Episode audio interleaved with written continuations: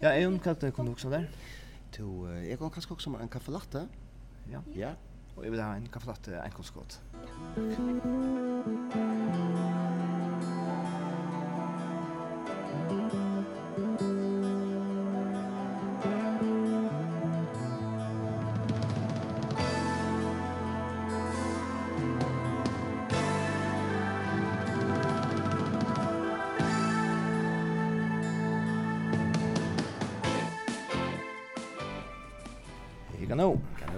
Gott ut. Gott ut. Så det är roligt att vilja kaka vi.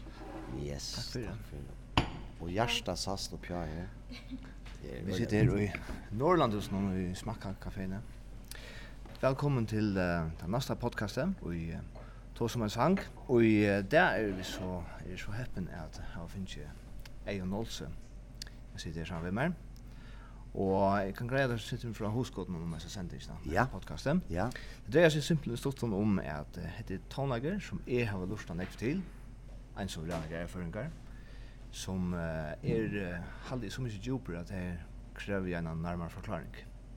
Tog at, uh, man sier etter jo, at han lyst til at han jo av vel, og man er ganske sier svinga til det, eller sånt eller skrala til det. Mm, mm. Men, uh, men du er jo på et eller annet tidspunkt sitter i Vittøy og finner hoskott til det, og tog halte alltid at uh, tog kom etter hoskot jeg gjør en sending om det her og vi der skulle vi så høre om sannsyn til her som jeg også er til til stressa ja men uh, ser du dere hoskot er interessant. Takk for det interessant. Og aller først um, hva er det som hoskot til denne sannsyn Sjón det nu er nek år så jeg kan jo fra, men aller først, liksom, hva, Jag började vi tills du kan minnas. Ja ja, alltså jag jag minns det väl. Alltså jag minns väl att tatuerna som sanken spratt på sig ur alltså sanken beskriver skriven i tjejer fors. Och vi minns det att hur så forsen var det. Ganska ment jag syndrom tatuerna som är i det. Ha konjunkturer, julen kvar i fotlare fer, arbete till alla händer. Och och och kanske något så gott uh, gråra gråra för stress. Fuck, han är kvar, han är kom, när kom hänt, nej kom tankar. Mm Ehm Ja, mer personlig var det lyd sender um, et system hon inkvar, hun hei et reklamevirke da, som uh, et grafisk teknisk da, og jeg platt i arbeid her nere vik først, og hon er øyla nek gjerra. Mm. Og jeg sa nok nek opp til henne, og hon var stånd en, en, en donalig virksomhetsleier, hon er stora suksess, hon er folk i arbeid, og hon er snekva stora kontar. Så hon er øyla nek gjerra, og hon kort i øyla harsht og på ankra mata halde jeg at Sankra blei og Luisen som inspirerer av tog i miljøen her til henne men sjån det var det jo sperra til at det var en en sinde breier vifta i alt samfunnet også at han kan døyda køyre kjøtt og at lir oppja køyre og, og vi så jo hvordan det enda i en, en ordentlig skrattle. Ja.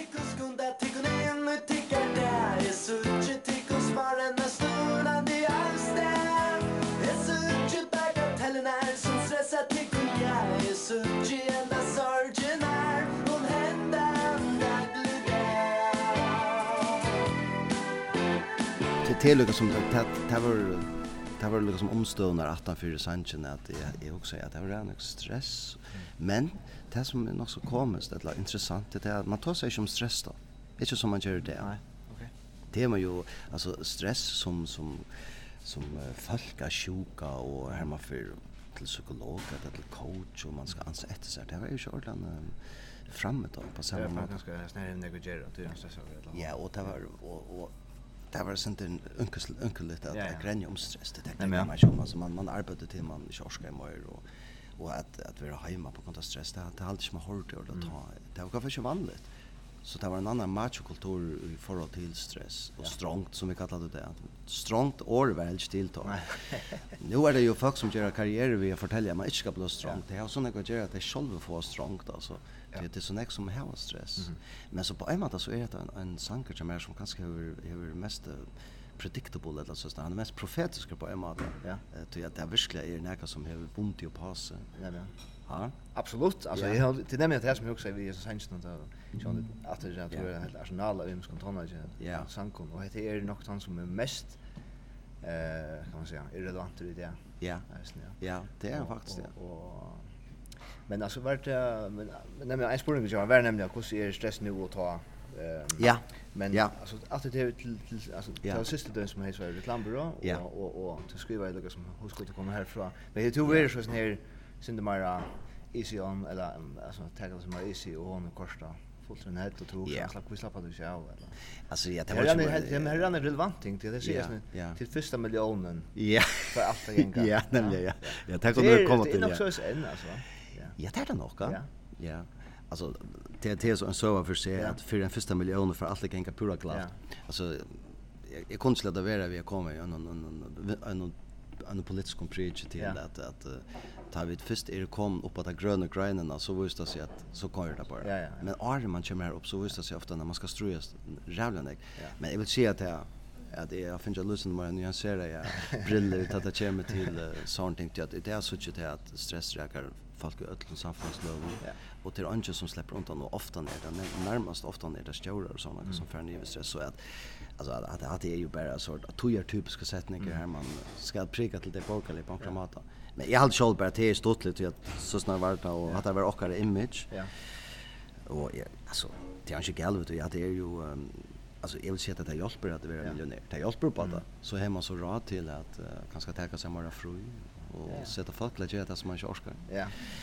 Men um, stresset har jag alltid haft det sam. Jag tycker bara det man är inte några vitcher att man man är man vet inte bevisst om det, det var inte med vet och det var väl fast som um, torrt jag vet inte att det hade stress. Alltså jag har själv faktiskt upplevt stress och sånt. Och det är inte så helt Halt chipter över helt. Jag har haft vi plötsligt stressar på det jag till att ha haft tonlagar och tror jag vad göra. Så ofta så har man så fer man från en och en av varslet till den nästa till det tredje till det fjärde och så ändar man kanske när bara spela alla natten och det är ju kort och i några veckor och månader så blir man alltså verkligen trött och ja och stressad. Mm. Men så är ju så lärt bara att ansa efter. Ja, men för det får du som tar det. Ja. Men alltså med det att säga att det det största som vi tar om här på ta i i i Schäfers. Ja. Var kanske det största som man tar om med det i samband med verset där att inte att du inte kanske vant vi psykisk stress eller ny en stress men mer till stress kan stressa av om eller så. Ja. Ja, eh kanske en mer samflags basis. Ja. Men eisen en personlig basis, men alltså det är är ju inte några stress coach inlit då men som du säger, jag sa bara att det, det var ölen ekfera ja. folk runt och tuska i runt. Och det var ölen uppe i Kajra. Och minne mig sen om tog in ut det. Sjalt om det er ganske mer større på det, og som sagt, det var ganske annet større bevissthet om hva det henter vi åkken i det, at vi er stressa i sånne ganger. Ta halt i at man kortet simpelthen til man fører til. Mm. Det virker jeg synes på meg, det var folk som var totalt oppe i køyre, altså. Og, og da i kratje kom, så så det oss det var altså hundratals, ganske tusental familier som flyttet vekk, og det var, det var fryktelig tøy på en måte, altså. Først til 15 noen det er noe som venter, ja. Men uh, ja, altså Sankelberg gjør det skje for og det som jeg kan minnes, det er helt konkret, det er nok så, det sier Østen Sindrom alderen man er ui, at jeg, så hvis jeg minnes det rett, så ble han gjør det, gjør det en liten en høst det. Ja. Og jeg og Terje var redan eksamen, og spalte redan eksamen til han. Og jeg har en øljende produktiv tog. Jeg, jeg gjør det nesten en sang om det som jeg kan minnes. Hette var en Tøyen og Punter Forsen i utgaven okay. som kom i 84. Här är åtta nästan alla sanns när har alltid att tjejen halvan är av tudje eller så. Så jag jag jag fyllde det när jag kom fram då och jag jag var väldigt produktiv. Och var så en som kom nog så kött. Och i minst frutja dagen etter, frutja kvöld at det var en varsla ute i lærerskolan, det var anker som jeg varsla ute, det er så spørs om jeg og Terje kunne komme og spela, og vi spalte i handa sanje, ja. dagen etter han var gjørt, det var det var han ikke gøy mot, jeg spalte beina veien, og vi ville det at det fungerer nok så godt. Ja. Jeg kan nevne som kuriosum at uh, Gjørskvalde spalte uh, at Tveimostøen spalte til denne firmavarsle ute i Arjun. Uh, det heter Husavurtjenest. Ja, ja. Och så spalt ner Jan från backa nattarna och bergstøyene blev hälsan sanger yngster. Nej, ja. så att alltså han är ju helt där. Nej, nej, nej. Så jag spalt den här ute. Det var Charles Stewart och backen som yngst. Ja, ja. Och här nere blev han så yngster åter så spalt han åter här nere. Så jag också okej, okay, alltså. Ja, ja. Och det här kommer morgonen så för han blir yngster. Ja. Så han är ju glömt Nej. Men så här är en Jordan så ikonisk video när du med på den här i renner runt. Jag hugnar det som så. Ja ja. Det är alltså då Ja, alltså det är man fair och ja. Ja. Jag hade för en tröja som damer som är 80 och och Sean det jag tror det. Ja. När glömmas tid när älskar tid, när blir ut i ditt När glömmas tid när huxa tid än du man är annat När sutja tid du ger i ett nöjden när var tjock som tjejmor och sätt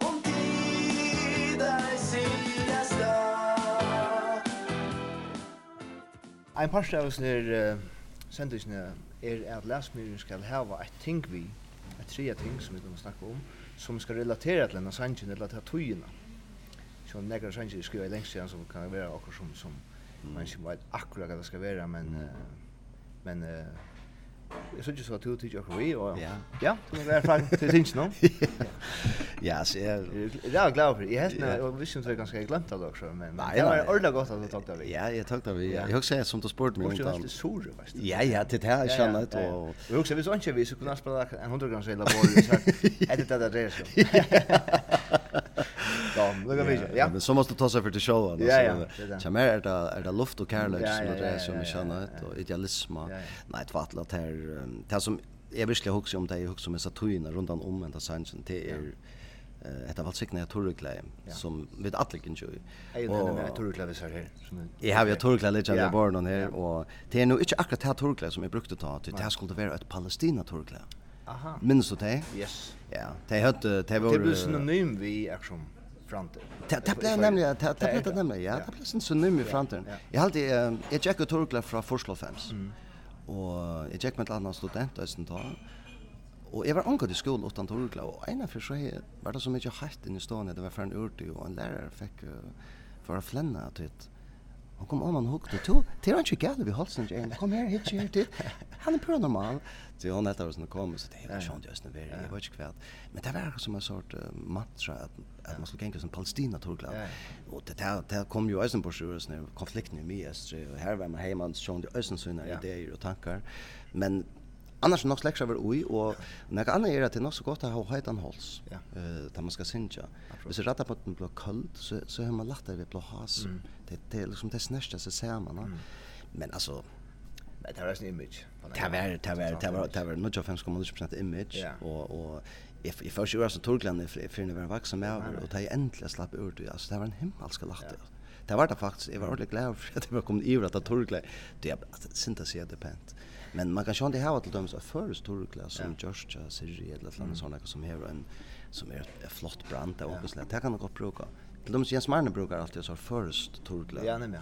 Det är alltid Rickard och Sally gott och han tar idén att hon har han faktiskt jag tar brukar jag inte.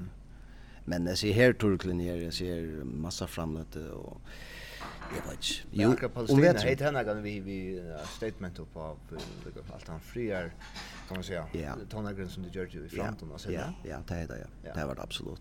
Alltså vi till det tar, är man en enda för sig att jag finns jag synder jag ser jag inte att hur jag snö att Usha var öliga och rymdet i för Palestina. Vi till det var en sort nytt, ett slags apartheidsystem så tar kortet vi här i palestinenser var annan grads borgare och alltså i näkmen för en att statväck här är öliga alltså det är en ölig ölig konflikt och hon är ölig rinka vi att göra men hon är ju näkmare nyansera ja, ja. och, och komplicera än än vad det är förstå ta. Mm.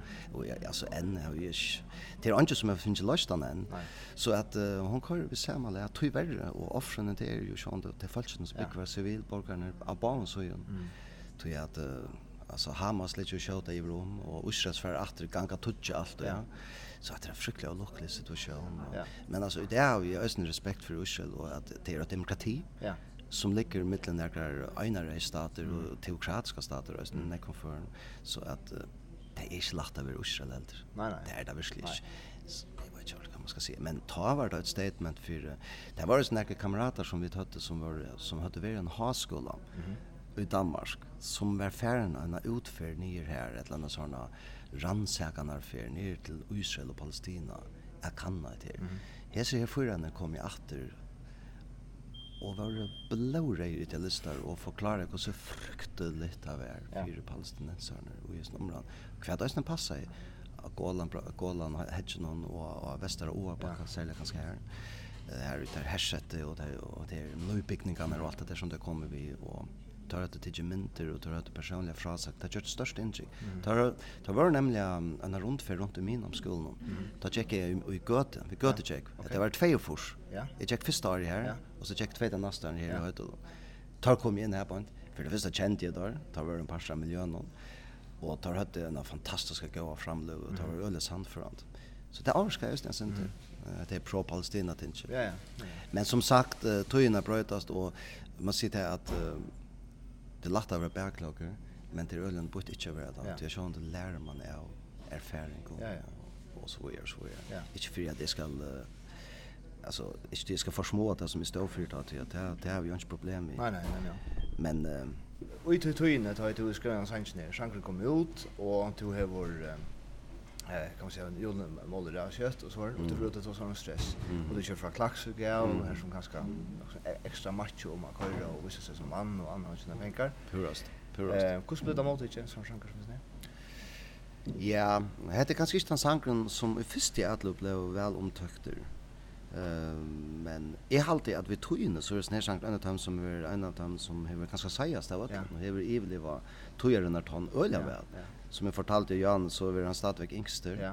og et som er nok så, nok så interessant til at bøttene man da sanjen ja, ja, jeg vet ikke hvordan det blir til. Det er kanskje nekka vi har så videoen av Gjera ja. de, de sitter jo på YouTube og, ja. og, det alt det men de, de innkjenner sanjen og de det halda videon är väldigt stort läs så nu nu arbetar jag så som lärare och och här har så ångt ihop det så när dessa videon och det blev vi jag spelar inte kanske släppa så tjasa videon och det hade då varit onkel. Ja ja ja. Jag ser det men alltså så tjasa jag kan lika onkel och det nej inte ordentligt men ja ja det är sanna som du säger Klaxvik är ju en en fiskevinnabojer. Eh tar sig är en är en arbetsfolk här eh här är folk som gänga högt upp i arbetsmoral och och det att arbeta gör oljan stora passer identiteten och så en sån bohemer som är är dottern rutlig och väl och väl utom konceptet men inte inte värre än så att att att kan man säga det finns ju mycket image där och jag kommer norr och spelar Nick Klaxvik och till allt allt väl med det inte går allt super jag nekvar vinner Klaxvik men det passar det var ganska center provocerande för tämmer ju mm. tror jag alltså stress ska det även något fatt ja. alltså man arbetar och man kränjer som det Ja. Ja. ja. Det är alltid sån att han hookborn var den roande ta. Ja. Att det har snackat med 40 vitcher för.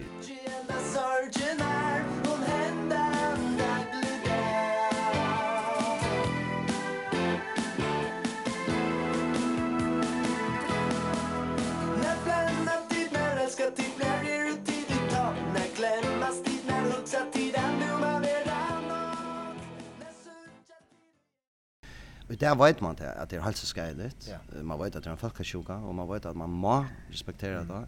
Det är det är simpelt konkret ut den hälsa. Ja. Jag känner att du missar svånen och du får ner flaskan och det är falskt som får stress och det är neck folk som får stress. Det här var jävla lunch att komma för sig. Mm. Man kan inte säga att det som är elastik som är som är spänstigt. Du halar det ut ena för därför inåt, jag. Ja. Men för kvar för du halar det ut så blir det lite som det minne elastiskt. Mm till ända så blöt att mer och mer då vi. Mm. På samma måte viska stress på kroppen. Mm. Du kommer för att men du är mer och mer attached för det nästa för och att mer och mer attached. Så för kvar för det händer så pilkar du lysen rätt under mm. hälsa och är du vanta för att få livsstilssjukor och ja. ja och mentala mentala sjukor alltså Absolut, så, ja. så det är det allvarligt att det är det allvarligt även ja, ja. näck var varligt är helt i skrivet då ja. till det rätt som du säger jag huxar ganska mer och genom utfrån en samflaxlin sköna med det skriver sanchen och där huxar kanske mer individuellt om stress ja vad gör det vi också som människor såna ja. ta huxar jag ganska om att att vi tar inte tydligt till kvann annan vi tar inte tid till att uh, halda samman uh, att uh, jag ser kommer vara mer värchen kommer dansa mer yeah, lärchen till sån det äcklan tojar typisk idealistiskt yeah. framtermal Ja. men det som jag menar vi det kanske bara komma kvar en öron bara vi och att vara mer närvarande och inte alla tunna kan gå renna och tuska att han har en eller öron så vid halda det viktigt att löna Ta vi blå äldre så finner jag ofta nytt här att det var inte akkurat det som var så viktigt. Mm. Kanske bil vi tatt det, eller hvordan fin husene våre. Det er viktig å være, hvordan hørte vi da, hvordan hørte bøttene da, hvordan hørte, hvordan er imagine da, ja. og så ble vi ommer, eller det abbar og ommer, hvordan er det heita, og hvordan er okkar relasjon vi til nærmeste, ja. og hvordan klarer vi det å halda sammen på det som er det viktigste løgnet til er og til de menneskene som vi elsker. Ja. Og det er jo det som hever alt å si at alt kommer til alt. Mm. Det er lukka mye kjekka forbi med akkordet. Det er det jo, prinsippen om. Sier mer som akkurat kjøpte en Volvo i kjær. Sier mer som akkurat kjøpte en Volvo i kjær, og, og skammes mer eller mindre i det. Men, det jeg helt en reier på gården der, ja, men, men altså. Ja, men altså. Men det var altså egen. Ja, jeg vet det godt, og jeg, jeg må bare si at det skammes i det, men på en av døy som det lekste å køre en Volvo. Ja, det er det. Ja. Jeg har en fra Syrja på bant her i Ivre, han heter Inge Moore, han platt i oss når arbeid på meg, så er jo, er ikke godt å være inne i en kapitalist, så er det er ikke godt. Du kan få der sånne kjøtt du vil ta, du kan få alt som du vil. Og jeg måtte innrømme at det var noe så. Ja behagligt och gott. Så att alltså är jag lustnjötare i Ja. och jag är nog inte att det är alltså mer de väl materiellt ting.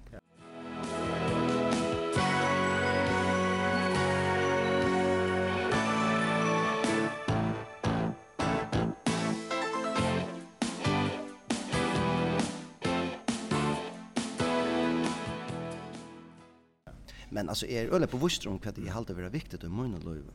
Alltså bøttene, punkt 8 och Og det er falskene, familien, viner, og det er falskene som er mine nærmeste, at røyna, at, at være nærmere til det man kan, og i hele tiden røyna, lette seg ett tog. Ja. Tog at uh, arm av det, så er man blitt eldre, og så hikker man atter. Og alle kan ikke vise til at det er ånden som är pensjonerer som sier, jeg arbeider for lyd. Nei. Det er ikke, det er ikke kommet fire enn. Ødel sier, særlig folk som ligger deg, ja jeg kunne yngst at jeg arbeidde minne og være mer sammen med familien. Og hvor er ikke lurt etter dem som har vært jøkken da?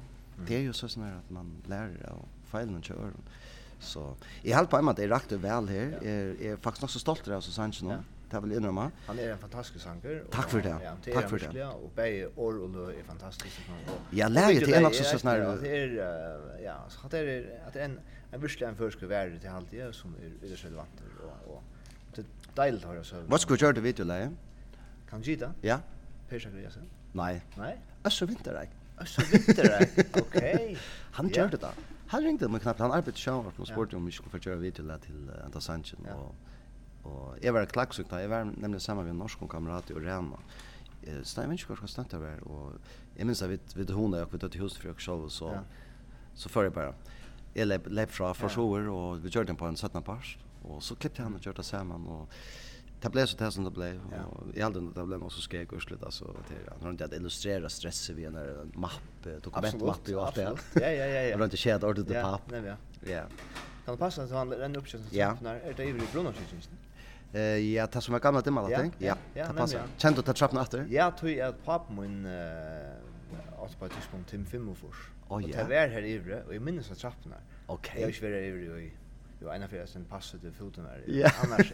Så jeg vinner så straff nere. Åtte pappa tog inn til en fem år. Ja, og en av stått period, ja. Det er noe som skrek, og så er han vært konkurrent til etter grafisk og tekststånd som vi snakker om.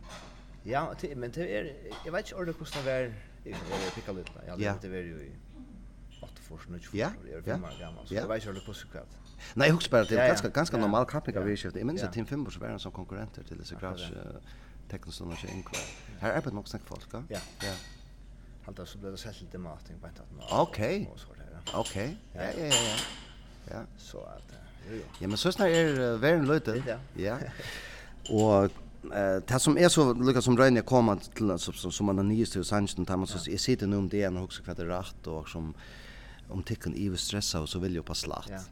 Och det är nog att här vi att sätta sig i stora skuld, ja. stor hus och dyr en bil och så här var Lucas som uh, så nekva gjerra og hava så nekva uh, gjøtten i elden når man ikke fer tog til det som virkelig er viktig til hva skal brukes husen til altså hva skal være saman vi inni i husen til og tog man hever en hus ja. til for jeg nøyta det saman vi omkrona ja. men uh, problemet så er det at man uh, hever sett seg for stramt ja. og så er man ikke tog til å nøyta løyve som Mm. Allt kommer ut på allt kommer till allt. Mm. Och så kommer att prige till till uh, från vänstra våningen till högra våningen för den första miljonen för allt gänga pura glad. Yeah.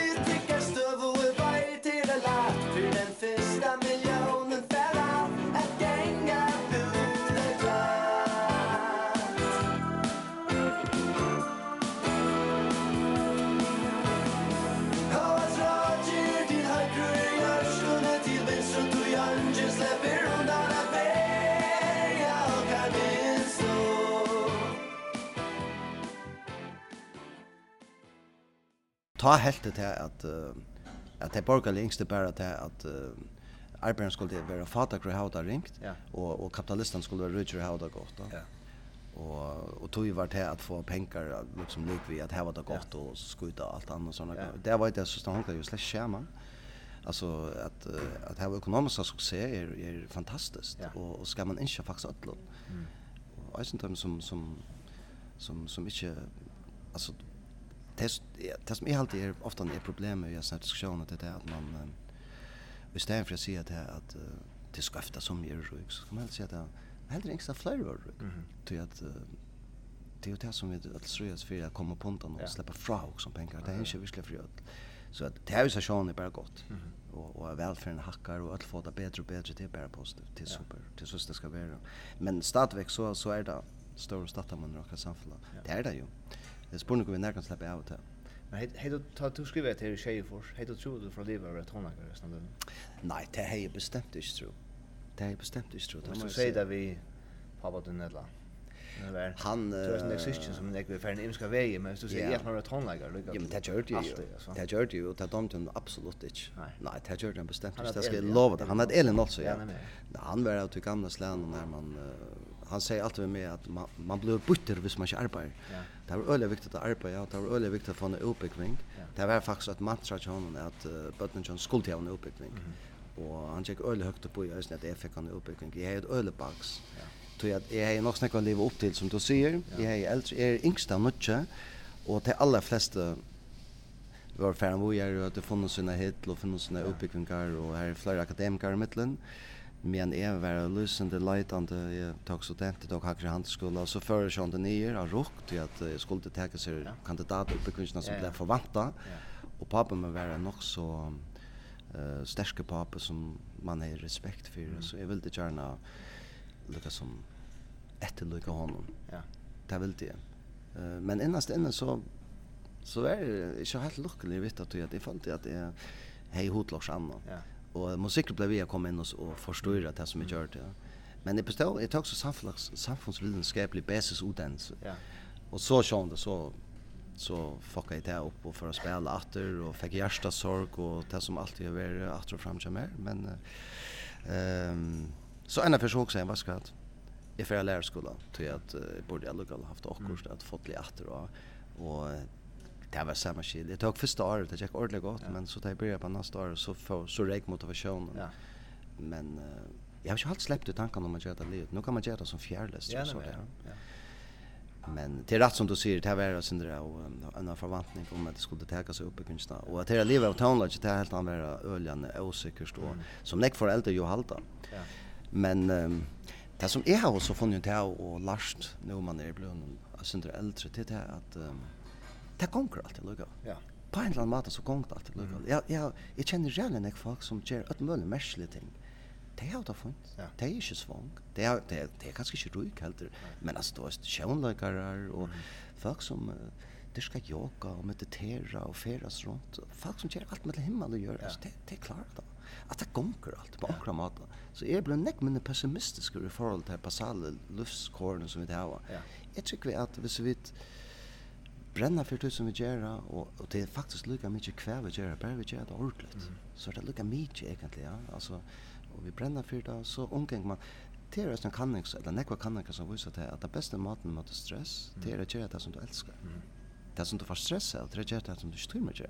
Ta får stress. Vi du göra ett podcast. Ja, det är det som er. Du sier att det så avslappnat och og det er och ordnar nytt det. Ja, ja, ja. Och det är akkurat det. Du gör akkurat det som du kanske alltså att att att brenna for nøkken og gjøre det. Ja.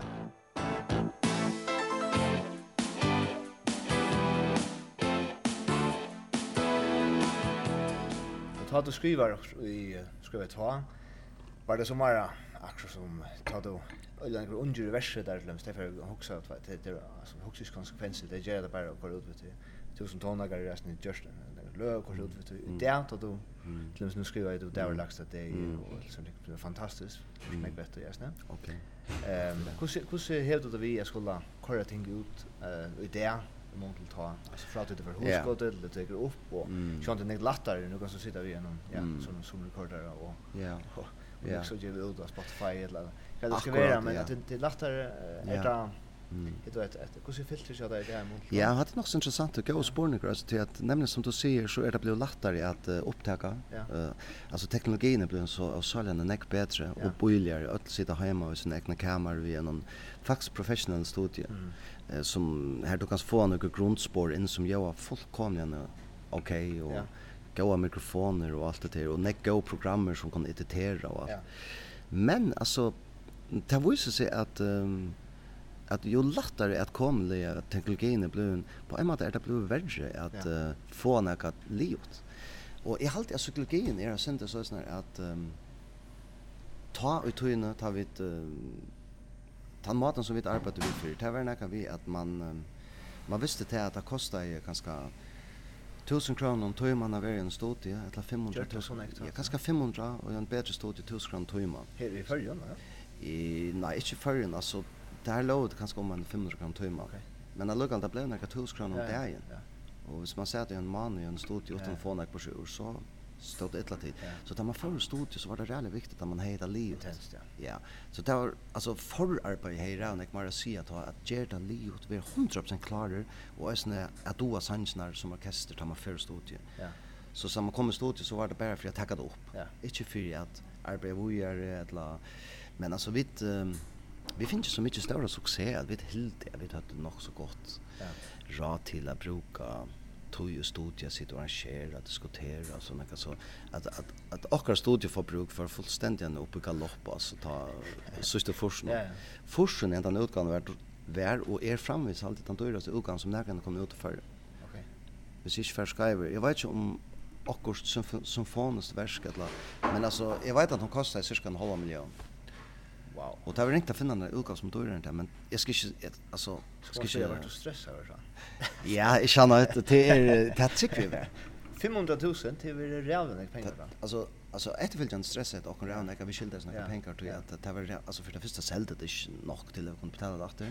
Så att det blev vi över en restskuld så vi måste spela och spela och spela och och blev vi till ändan så så blev det nio betalt och och ösna det blev sen sanera så det det var något som hände här i kreppen ja. ja. Jag hade sen vi slapp i av och men det var ett öjlebax. Ja.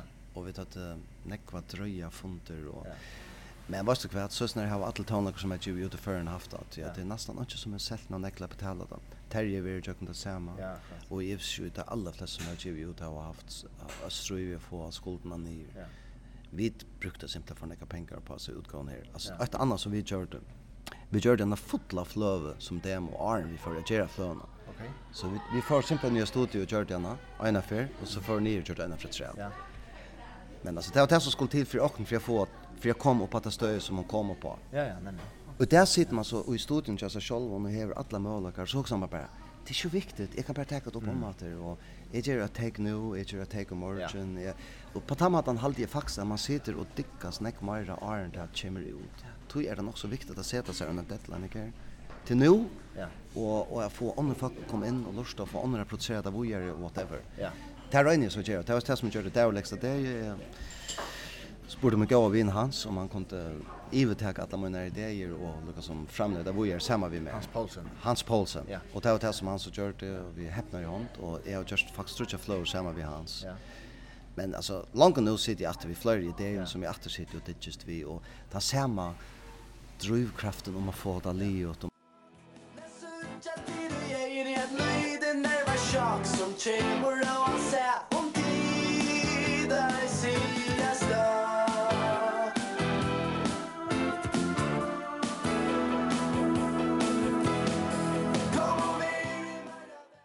Du spurte om hvordan jeg filtrer det her forhold til før. Det er filtret til det blir nek smar, altså meskene blir smarr. Jeg vet ikke hva det er, akkurat vi at... Um, Men det nägar vi tur över så så stora echt här så så stor succé och jag vet att med annat här ju gå det går till frisör först frisör ja ja eller bench för kosta för att för reagera så gör så gör ja ja det sjönde sjönde förväntningarna är ju och skuffelse efter mötra ja men det sjönde tar det här och först frisör och till först frisör men då är ju Jesus framton och så där Møy Rei Terje og ja. to. Ja.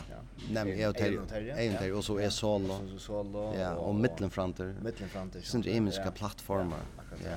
Jo alt chip jo så inte huxa man om det och och det är förväntningar om. Jag är lösend offer för mina för min ungdom här ju ta checka öle gott och Nico Sanchez blev folk och när är synd offer för det här att ja men självan det är stolt att du är är är så starkt stolt att du är öle stolt att just mot land. Jeg har gjort forsene, ja. og nekva av de sangene som i det. Jeg kan teka en akkord og faktisk synge fra byrjan til ja. enda. Jeg er fantastisk stolt ja. og, og, og eimjøk og takksam for ja. det er virkelig. Jeg det trolig stolt at jeg kan komme ut og spille sanger som folk vil jeg høre enn, ja. og som det stadigvæk synge vi til av hjärsta. Mm -hmm. Det är det stolt lite. Och jag har inte så jag spekulerar på, men alltså när ända det, men det ser ju ut att det ändar till att nu inte att det kommer till och det är då ösensans nu, och det syns jag ösen vi. Mm -hmm. Alltså det spelar det det det det blev över Archan halt. Ja ja. Det var inte ordentligt. Och och upp efter då. Ja ja. Ölle stort lite men det är också vi tonlöje som lever hojar och fer i arv och föräldrar spelar och så barnen ja. växer upp vet du. Mm. Och också ta det till så i sannhet.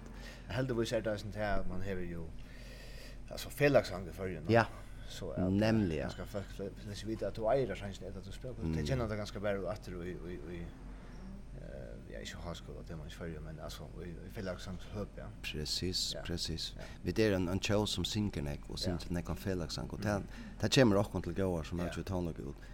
Alltså tar man till de ständen ju i Mile hos någon av alla och spelare och det är 20 folk bara bara så tjå öll falschen tant och synja vi och höra det här romen det är det är rörant.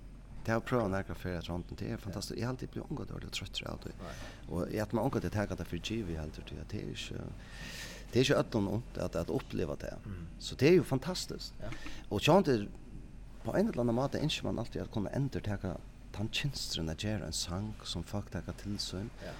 Och synja vi till men på det är sköna så hooks jag ösne. Jag har just det. Jag har provat en sång som att känna. Ja. Uh, och också så också bara vad ska du prova göra också som är själva alltid att är konstant inför och så ser jag folk ja men alltså att det är ordentligt hittat det. Så nej men jag har väl kört hooks om det på något annat. Men alltså är unkren. Ja, det är så 100% säkert att det blir farligt. Hvis du, hvis du begynner hugsa om hur ska jag göra en sang för folk skulle älska? Den så gjerst du ikke en sang som fungerer, så gjerst du en sang som, du, som ikke er ærlig og autentisk. Ja. Det er nytt Så det skal komme fra hjertan. Men jeg alltid selv at uh, at uh, hese filtrene som er i her, de, de, de blir jo løsende minne i minne, altså meskene blir minne, man blir ganske sinde mer væren vi kvart i fyrir, ja. men, men samtidig så, så så är det vara så halt. Men du för upptackar till George hur ska det han ställa Jon för backan och börjar spela och som du hette det som vi fann på i år. Ja. Så det är ganska Vi har kanske lyssna där då. Oh ja, det är det inte. Jag vet om särskilt Östkust Hostlers. Ja, ja, känner jag. Och han tar väl i bio. Och så hade det spalt i nekvar 15 år eller så där. Ja. Och så spelade jag så att löjne folk var garvet. Det var helt, helt, helt, helt en av bästa konserten jag vill. Folk simpelthen stod ju och, ja, ja, då det alla hans nu. Så sier han, ja, och så er det här att um, som alla bälkar som har varit för sen i Rane kvar så har vi gjort en nudjansang som vi alla framför nu. Så jag, nej, det var alltid inte funnit ju på. Och så kort det var ju, han får lite. Det var gott. Kunde inte funnit ju på. Men det är den konstnärliga stoltheten om att jag kan stadigt göra nytt tillfälle och jag spelar inte bara det gamla. Nej, nej, nej. Det är öljande, det är förfangelighet. Det är att i botten grund så vill jag folk höra det som de känner. Ja. Alltså känslan är att känna tonlagen och att kanske vara blåster att det tog här man var onkel och och att det var en eller till en ungdom och en ölestärsk. Akkurat. Och till nästan en ölestärsk. Ja, ja. Jag kan inte spela ett kvöld närkrastan i förrän utan spela Eros. Men ja. Det blir stil. Det är utlokk. Jag är nöjd att spela. Mm. Uh, så, och jag respekterar det. Ja. Alltså, det gör jag verkligen. Men alltså, så är det sånt alltså, lustar som är lyssnande progressiva och säger spel, det är liksom det, spel. Ja. Det är något så skräck. Så fem nästan till det. Så det är lyssnande annan blandning. Men, uh, men alltså, på McCartney, han har ju i hvert fall 20 år, mm. 18 av Beatles, er han kategorisk nok da jeg spiller Beatles. Ja tog att han är en så störska känslig och han sprudlar av kreativitet och hej så när efter och så att han följde inte att han skulle fettla åter av det kända. Men så kom forsen och så så så säger han att vart kväll är är man bara inrömma det vart kväll. heter som pastor mer heter som pastor jag är faktiskt en global tonlika så jag kan inte nog att spela sånt när det får bort. Ja. Och så är han spaltar mm. och han spaltar vid glädje just nu. Men han är ju verkligen ringt vi att krepera det på ett att han nog så nog så sen det jag skiljer han väl mm. skiljer han väl men kom det sjön ba Ja, det där. Ja, det ut ju folk lika få. Ja. möjlighet att höra det rätt någon och sånt. Ja. Det är kanske också arrogant center arganta för att spela och inte känna något som spelar och det kommer att höra det som det känner. Ja. Men men alltså det är det som som gör det.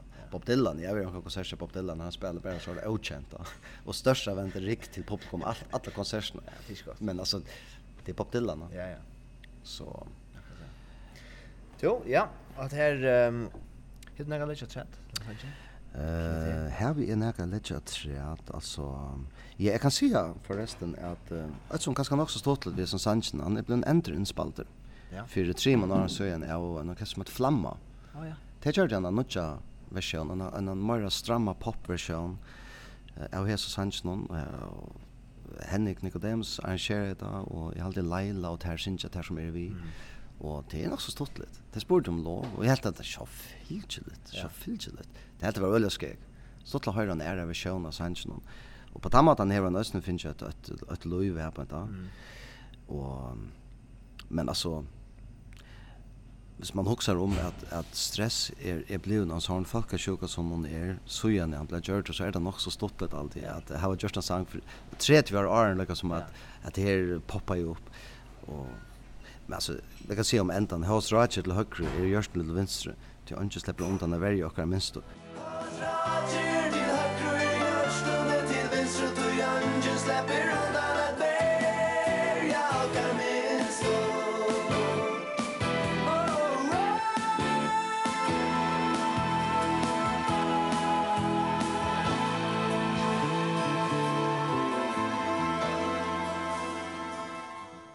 Så är vi i framtid ja, framtid terminologin i känner ut högra och vänstra. Ja. Och och det minste det vajke som ja. vi lyckas som skulle välja. Så att är man ser att det är är det produkt av man är samtid, av man en omkvarve som alla andra människor och och Rønn lukar som jag får det bästa på sjur här. Och så igjen da är jeg så vuxen bæg på sjur ungkvarn och på sjur ja. og... Och stress.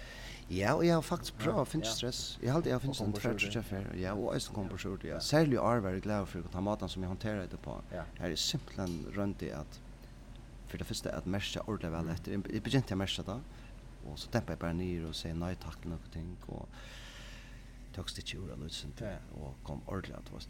Alt som man merker beina veien ved stress, det er svøvner nå. Ja, Hvis man begynner å gropla, og ikke sovner, det är ett klassiskt exempel på at du har vært via på stress. Ja. Jeg har hela tiden att gruppla.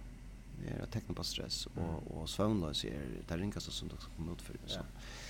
Ja. Han skal man alltså vel etter til. Ja. Og vi tonlökar, vi spiller jo om nätrarna. Ja. og så kommer Jerens där och slår opp i bötten. Mm. og det trupplar väntar vi. Ja. Så vi tar åkare avbjörnkar, men vi tar sannolikt oss åkare glede. Ja. Vi får en ekva virkänning. Och, ja. har var nekva gauar intensa løter. Så alt i allt, allt det er er jeg glad for at jeg har gjort den sangen som er en pastor av min og sangskatte som han er løytel, men er god igjen til er jo. Stål deg fyrir Egon, at du tømte seg da tog av til det her til å være parstre av som podcast nå. Ja, men takk for at du spurte meg det. Ja, og til en, en æra og ja, det vil være noen andre podcast. Jeg gleder meg å høre det. Ja. ja. Så takk for det og all the best. Ja, men og gå etnå, Victor.